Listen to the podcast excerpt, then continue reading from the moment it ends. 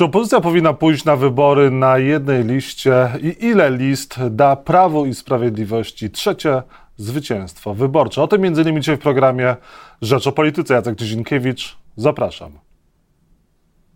A Państwa moim gościem jest profesor Jarosław Flis, Uniwersytet Jagielloński. Dzień dobry, panie profesorze.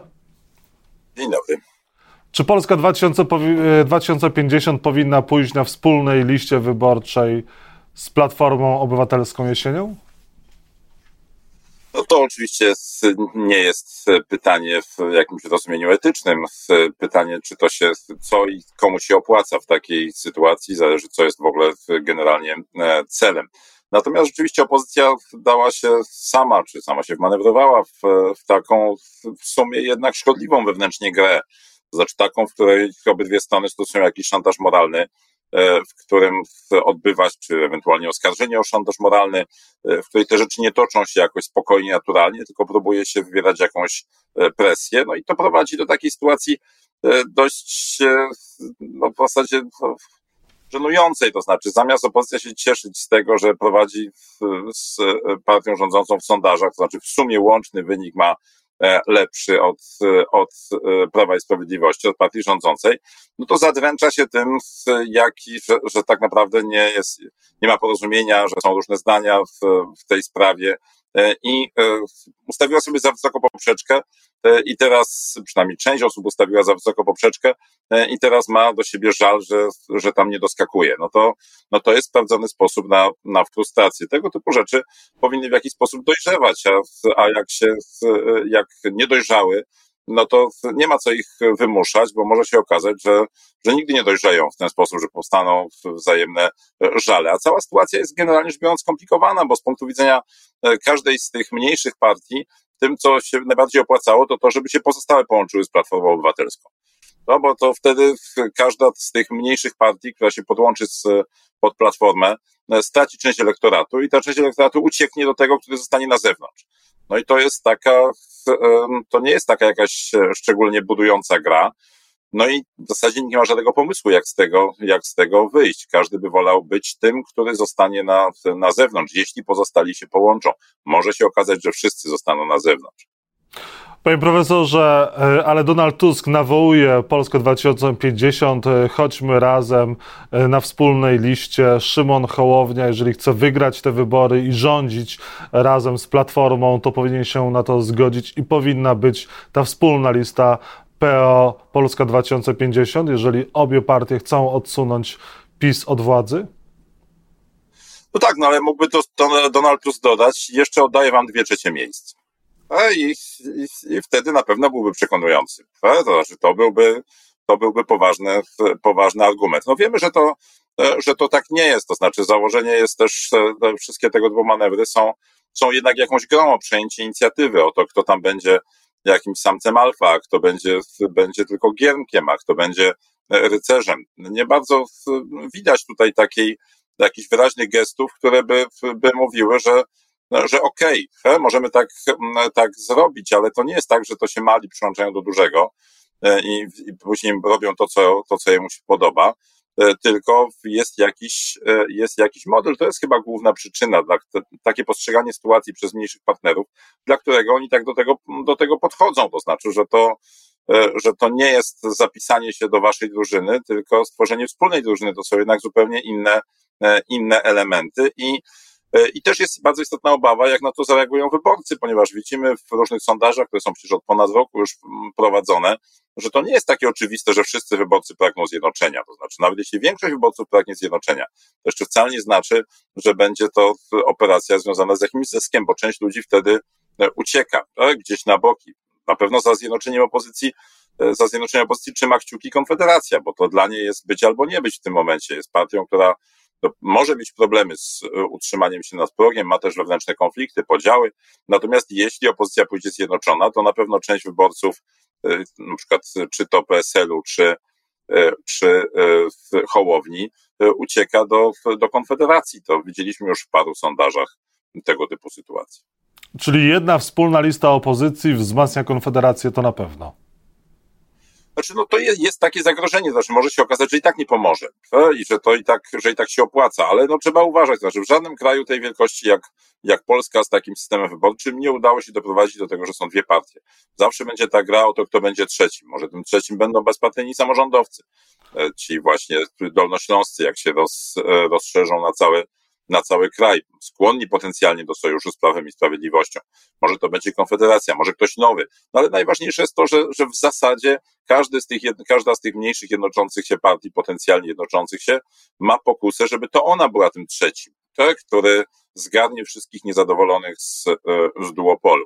Także no warto pamiętać, że taka poprzednia próba zjednoczenia e, tak na siłę, to znaczy koalicja europejska, to nie tylko to, że, że przyniosła trochę frustrujący efekt, ale też była próbą nieudaną, to znaczy razem było osobno i powstała wiosna jako właśnie taka próba przekreślenia tego, tego duopolu, no to jednak nie jest, nie jest takie łatwe, że się po prostu wezwie i wszyscy odłożą na bok ambicje i już. No, a, no ale może to będzie oznaczać, że odłożą na bok wyborców, a to już będzie poważna strata. Panie profesorze, czyli Polsce 2050 najbardziej by się opłacało, gdyby była tą trzecią y, siłą, osobną listą, e, która próbuje rozbić ten duopol Platforma, e, Prawo i Sprawiedliwość i gdyby Hołownia poszedł na osobnej liście? Znaczy, no, opłacałoby się, gdyby na taki sam pomysł nie wpadł PSL i Lewica jednocześnie bo to jest taki klasyczny dylemat działania, działania zbiorowego, gdzie, gdzie każdy ogląda się na innych w nadziei, że zrobią to, co jest e, przez niego pożądane, a to wcale się może tak nie, nie zdarzyć. Więc to jest gra o dużym ryzyku. Warto też pamiętać, że mm, przeprowadzenie wyborów, czy w ogóle zorganizacja wyborów, to jest jednak bardzo duże przedsięwzięcie e, logistyczne. To nie jest samotny start w wyborach prezydenckich. To trzeba e, jednak zorganizować tych 920 kandydatów miarę różnorodnych, rozłożonych, rozłożonych po całej Polsce, jakoś później to wszystko skoordynować, zarejestrować listy i tak dalej, i tak dalej to się może, to nie jest tak, że to się na pewno e, udaje w każdej takiej sytuacji. Widzieliśmy, że, że już były takie partie, którym się to jednak nie udawało, pomimo chęci jakiejś, jakiegoś zapału. Także to ja bym tutaj przestrzegał przed, przed takimi szantażami moralnymi, które mówią o tym, że sytuacja jest absolutnie jednoznaczna, oczywista i że tylko idiota albo podlec nie, nie potrafi się do tego, do tego dostosować. Jeśli ktoś ma problemy z takimi apelami, to być może jego zdolności perswazyjne są za słabe. Być może powinien zacząć szukać belki w swoim oku a nie doszukiwać się źdźbła u kogoś innego. Panie profesorze, jedna lista jest jeszcze możliwa opozycji? Czy to pieśń przyszłości, nie ma o czym rozmawiać? To, to, zawsze jest możliwe. Zdarzają się różne, różne cuda, tak jak opamiętanie się Prawa i Sprawiedliwości przed wyborami prezydenckimi 2020 roku, tymi korespondencyjnymi. No ale, ale to jednak jest bardzo trudny, wymagający scenariusz. To się może nie udać. Prawo i Sprawiedliwość mówi, że im by taka lista najbardziej się opłacała, gdyby Prawo, gdyby e, Prawo i Sprawiedliwość miało jasnego wroga po drugiej stronie, czyli całą opozycję na czele której stałby Donald Tusk i wtedy oni mogliby kolejne wybory wygrać. No, to oczywiście jest też e, stawianie wszystkiego na jedną kartę, bo może się okazać, że jednak nie. E, to znaczy, widać było w drugiej turze wyborów prezydenckich, kiedy właśnie było takie jeden na jeden, że w sumie mało brakowało. A od tamtego czasu notowania partii rządzącej to raczej nie wzrosły, tylko, tylko spadły, więc może się okazać, że takie postawienie sprawy na ostrzu noża nie jest aż tak korzystne dla Prawa i Sprawiedliwości, jak to sobie wyobrażają. E, I, i to jednak jest bardzo wyrównana wyrównana walka, zapowiada się taka wyrównana walka i małe błędy mogą o tym przesądzić. Zresztą oczywiście dla Prawa i Sprawiedliwości być może to był taki argument, żeby utrzymać własną jedność, bo przecież to jest, e, to jest blok polityczny, zjednoczona niegdyś prawica, e, to jest, który się posypał, to znaczy widzimy, no, stracił klub parlamentarny PiS, stracił większość w parlamencie, w Sejmie utrzymuje się dzięki, dzięki planktonowi, E, dzięki osobom, które tam no, głosują, ale się nie zaciągają do, pod szeregi Prawa i Sprawiedliwości. To już nie ma tej mocy przyciągania jak w 2019 roku, kiedy klub parlamentarny na końcu się powiększył.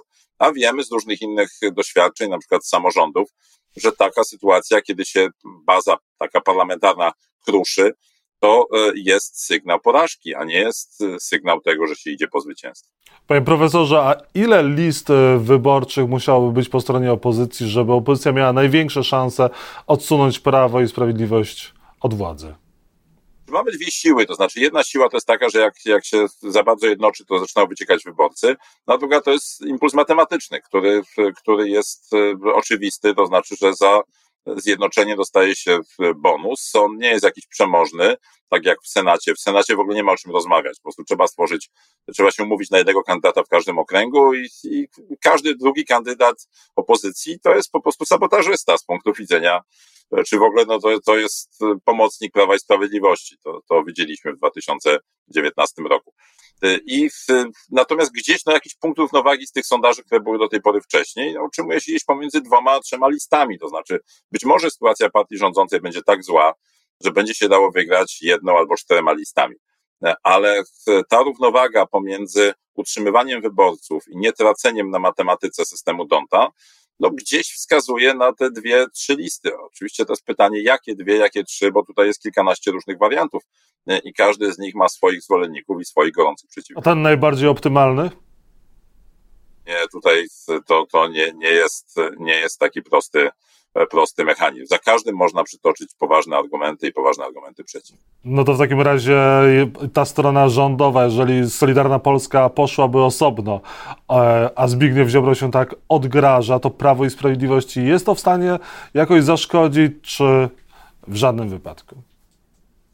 No na pewno każdy taki spoiler coś tam, coś tam odbiera. No warto wspomnieć, e, przypadek Polska, Partii Polska jest najważniejsza w 2011 roku. Gdyby ci dwa, niby dwa punkty procentowe, niby porażka, ale gdyby Prawo i Sprawiedliwość e, zachowało te dwa punkty procentowe, to koalicja PO-PSL nie miałaby samodzielnej większości, musiałaby się otwierać na kogoś innego, byłoby, byłoby dużo większe napięcia i na pewno to wrażenie, ten przekaz, że my jesteśmy pierwszym przypadkiem, który się, pierwszego rządu, który utrzymał swoją, e, swoją władzę w kolejnych wyborach, no na pewno ten przekaz byłby e, nie, nie byłby taki, jaki był w rzeczywistości. Także czasami taki, taki jeden punkt procentowy to może być decydujący dla tego, kto i w jakim układzie będzie później rządził po wyborach.